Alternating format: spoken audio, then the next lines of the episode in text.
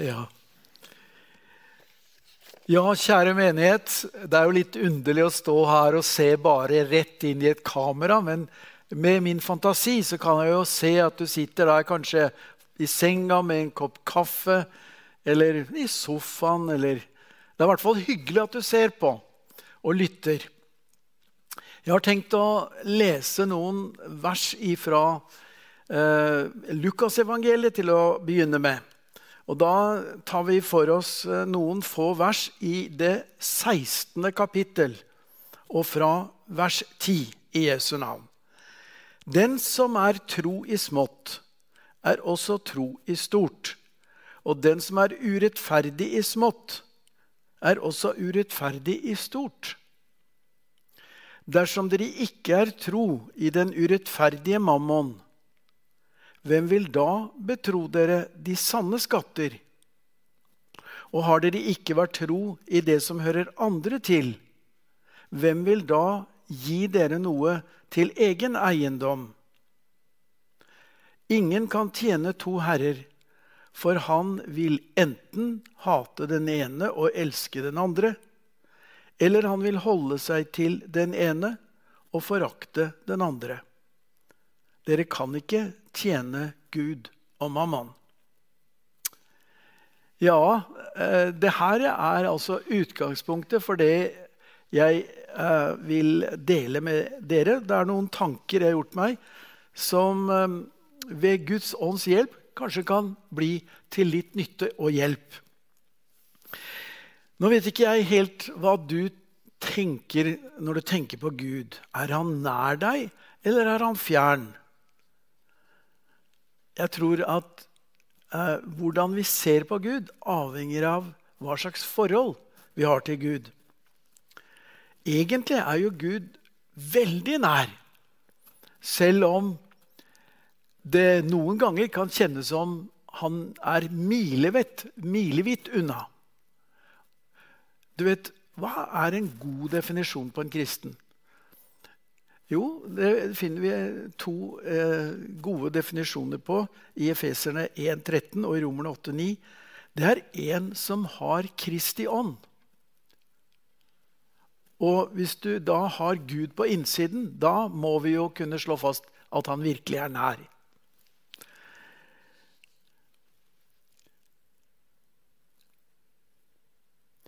En ting som jeg har lagt merke til når det gjelder Gud, det er at han er fascinert av og opptatt av detaljer, av de små ting.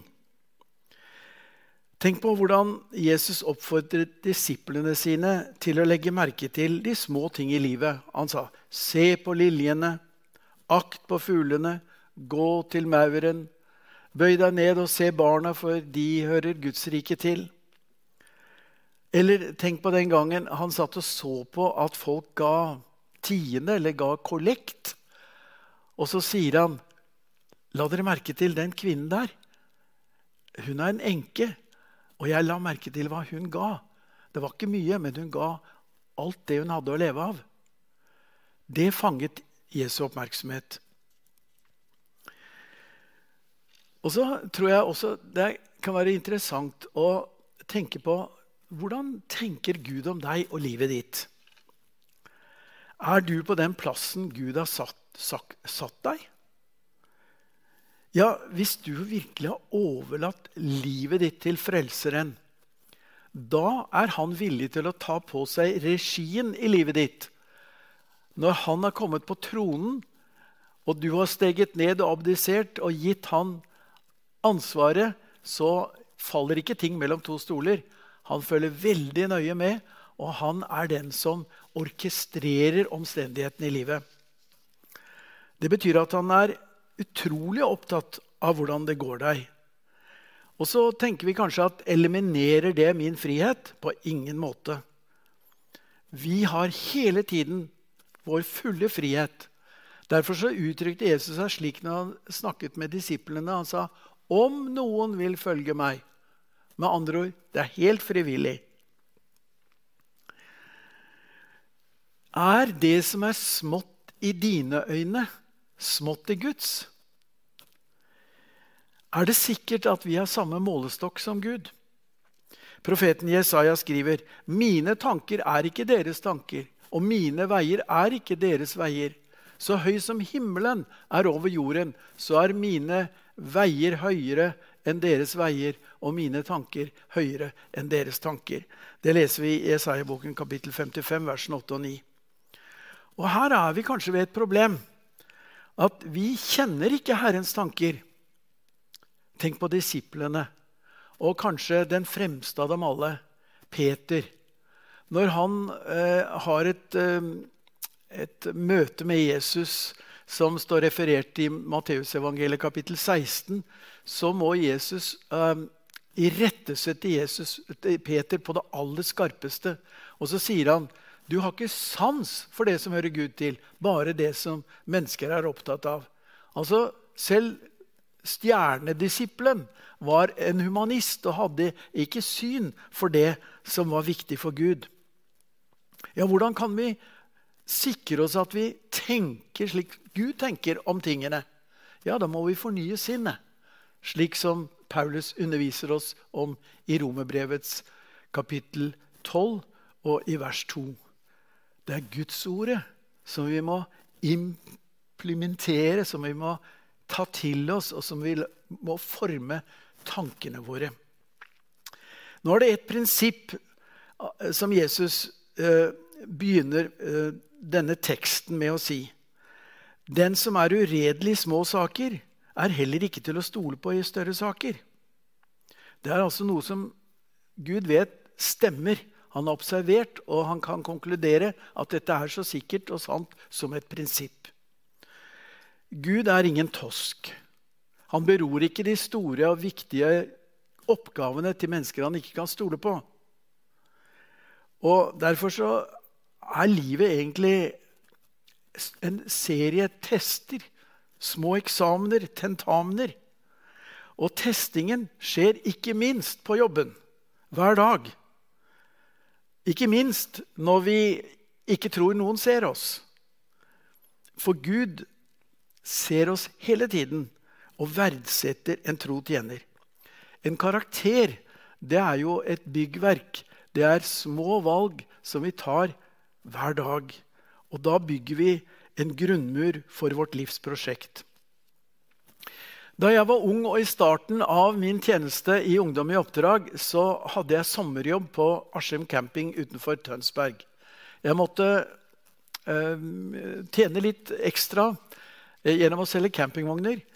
Og eh, ofte var det da snakk om å hjelpe kunder med låneopptak for de som ville skaffe, skaffe seg campingvogn. Da tok vi kontakt med finansieringsinstitusjoner for å finne brukbare løsninger. Og Jeg kan veldig godt huske et møte jeg hadde med en konsulent, der jeg i min naivitet holdt frem for denne konsulenten at denne kunden var en kristen, med andre ord en man kunne stole på. Jeg ble møtt med en rå latter i den andre enden av telefonen. Nei, det var nok dessverre ikke noen garanti for å være troverdig. Tvert om. Han hadde dårlig erfaring med kristne. Jeg ble veldig slukøret. Tenk å være så naiv.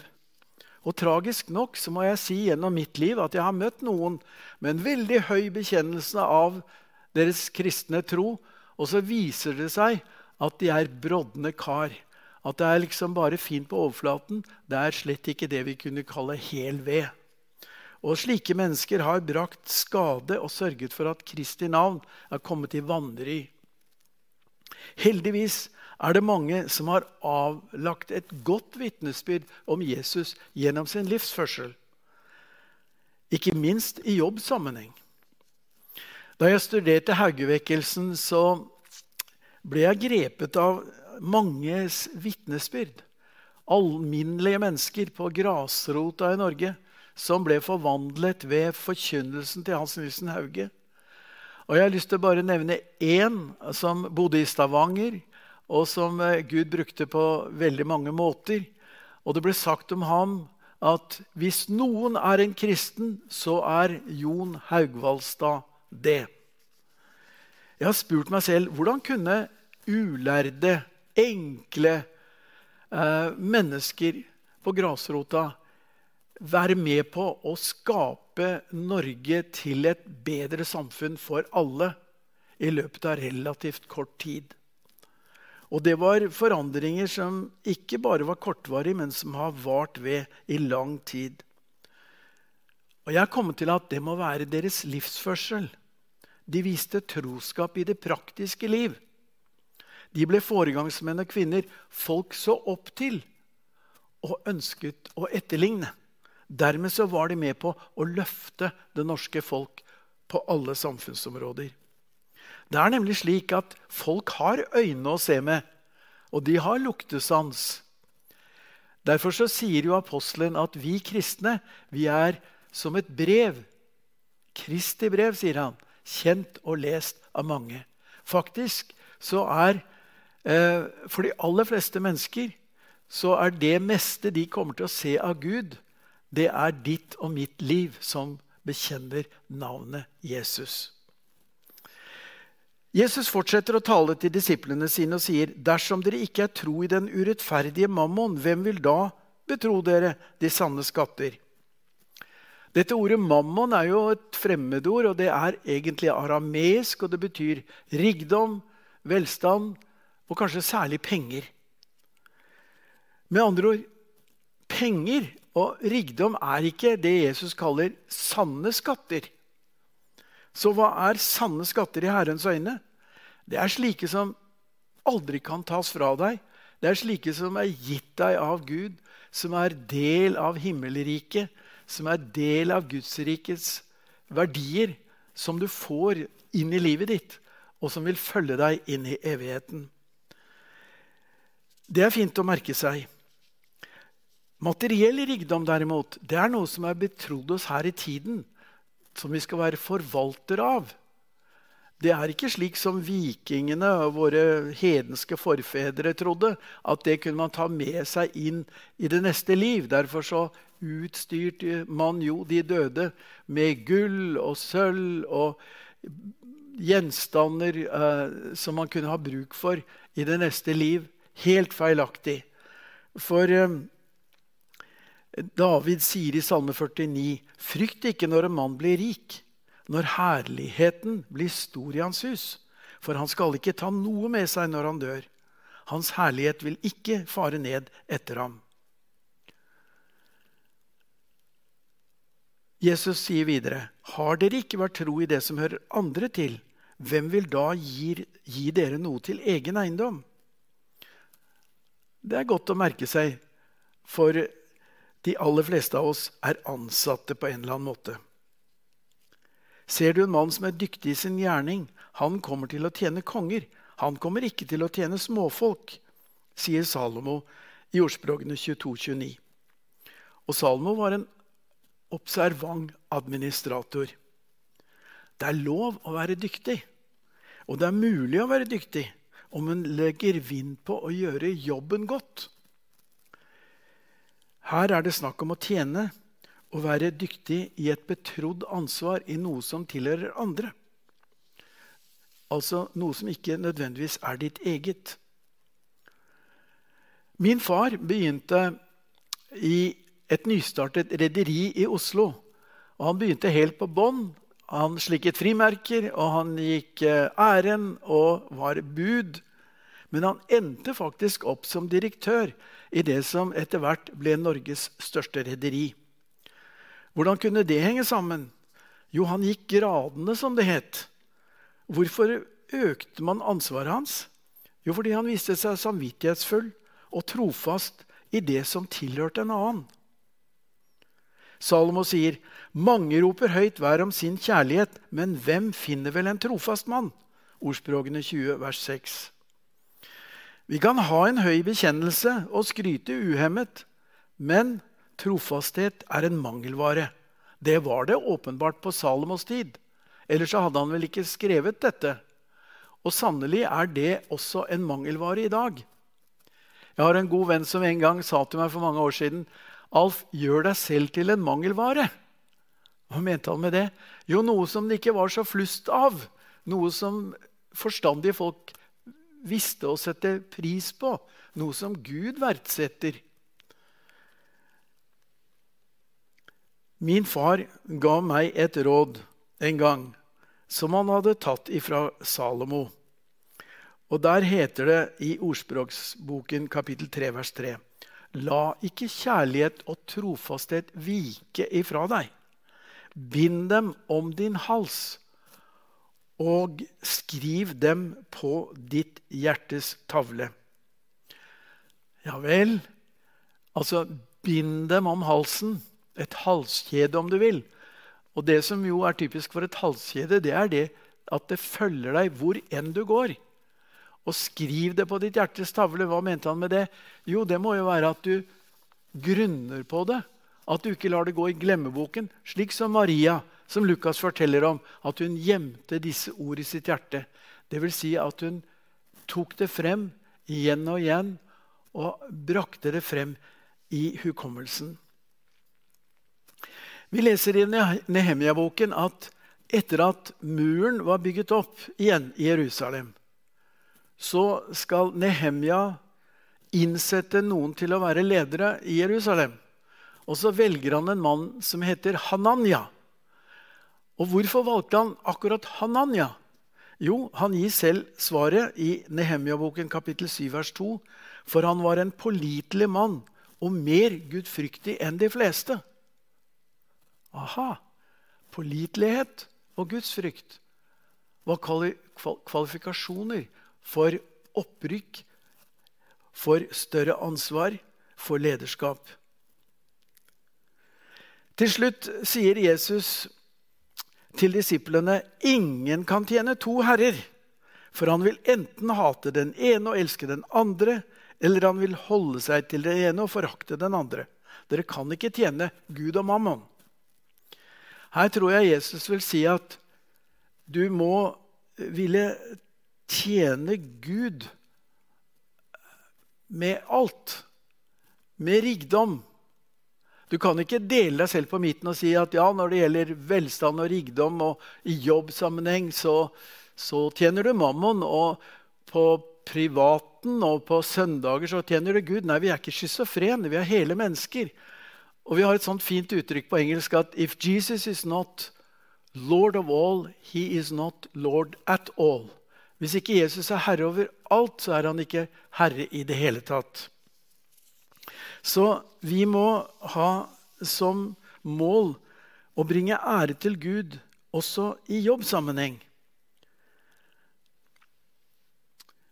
La meg avslutte med følgende formaning. Gjør deres tjeneste med et villig sinn som for Herren og ikke for mennesker, sier Paulus til menigheten i Efesos i kapittel 6, vers 7. Og Da presiserer apostelen at vi skal ikke være øyentjenere. Vi skal ikke gjøre det vi gjør sånn rent praktisk og i jobben for å eh, få anerkjennelse av mennesker, først og fremst. Nei, vi gjør det for å ære og glede Herren Jesus. For vi vet at han setter pris på et ærlig og dugelig dagsverk. Så selv om vi ikke får noen påskjønnelse av mennesker, selv om ingen uh, klapper oss på skulderen eller uh, gir oss honorar og berømmer oss for det vi gjør sånn praktisk, så skal vi vite det at det er én i himmelen som ser, og som verdsetter det vi har i hjertet, som vi uttrykker i jobben. Og en dag så kommer lønningsdagen. Og da gjelder det å kunne ta imot, det vil være en veldig stor dag, og det bør motivere oss. Tenk på billedhuggerne i middelalderen som lagde de vakreste skulpturer ingen mennesker kunne se, for de var plassert oppe på taket på katedralene. Men de gjorde det for å glede Gud, for Gud så det, og Gud satte pris på skjønnhet. Og da er det jo ligner vi litt på Gud, for Gud er skaper. Gud er en arbeider. Og når vi arbeider og vi skaper, så ligner vi. Da har vi gudligheten kommer til syne. Og så er det jo tilfredsstillende. For Gud er en arbeider, og vi skal arbeide. Og det gir mening, og det gir tilfredsstillelse. Det har en egenverdi. Og så har vi da som kristne denne ekstra motivasjonen at vi vil være et godt vitne hvordan vi takler daglivet på jobben, i familien og for våre omgivelser. Helt til slutt så har jeg lyst til å fortelle om en mann som jeg kjente ganske godt. Han het Richard Wormbrandt, og han var en rumensk jøde som kom til tro på Jesus. Han var luthersk prest i Romania. Men under kommunismen så ble han satt i fengsel og torturert grufullt. 14 år satt han i fengsel. Og så ble han kjøpt med løsepenger fra Norsk Israels misjon, og han kom til Norge. Han fikk et spesielt forhold til Norge. Og jeg fikk eh, privilegiet å reise landet rundt som hans tolk ved flere anledninger. Jeg kan godt huske at jeg sto sammen med ham i talerstolen eller prekestolen i Kristiansands domkirke. Og så forteller han en gang under fengselstiden at i luftegården så var det en medfange som spurte han, hvordan er denne Jesus som jeg har hørt du fortelle om. Og i øyeblikkets inspirasjon så sier Wormbrandt han ligner på meg. Oi, det var jo frimodig sagt. Hva svarer fangen? Han sier, ja, men da vil jeg bli kjent med Jesus. Det er noe å tenke på. Tør vi å si det? Tør du, tør jeg å si Jesus ligner på meg? Måtte vi leve sånn i hverdagen, på jobben, at mennesker får lyst til å bli kjent med Jesus fordi de ser våre liv. Kjære Far i himmelen. Jeg har lyst til å takke deg, for du er god. Jesus sa det at det er bare du som er god, hele tiden. Og vi får erfare den godheten så fremt vi holder fast på din godhet. Hjelp mine venner som har sittet og lyttet til denne gudstjenesten. At dette er noe de kan ta med seg inn i hverdagen. I morgen, på mandag, på jobben. Tankene fra disse ordene vi har løftet frem i Bibelen. Amen.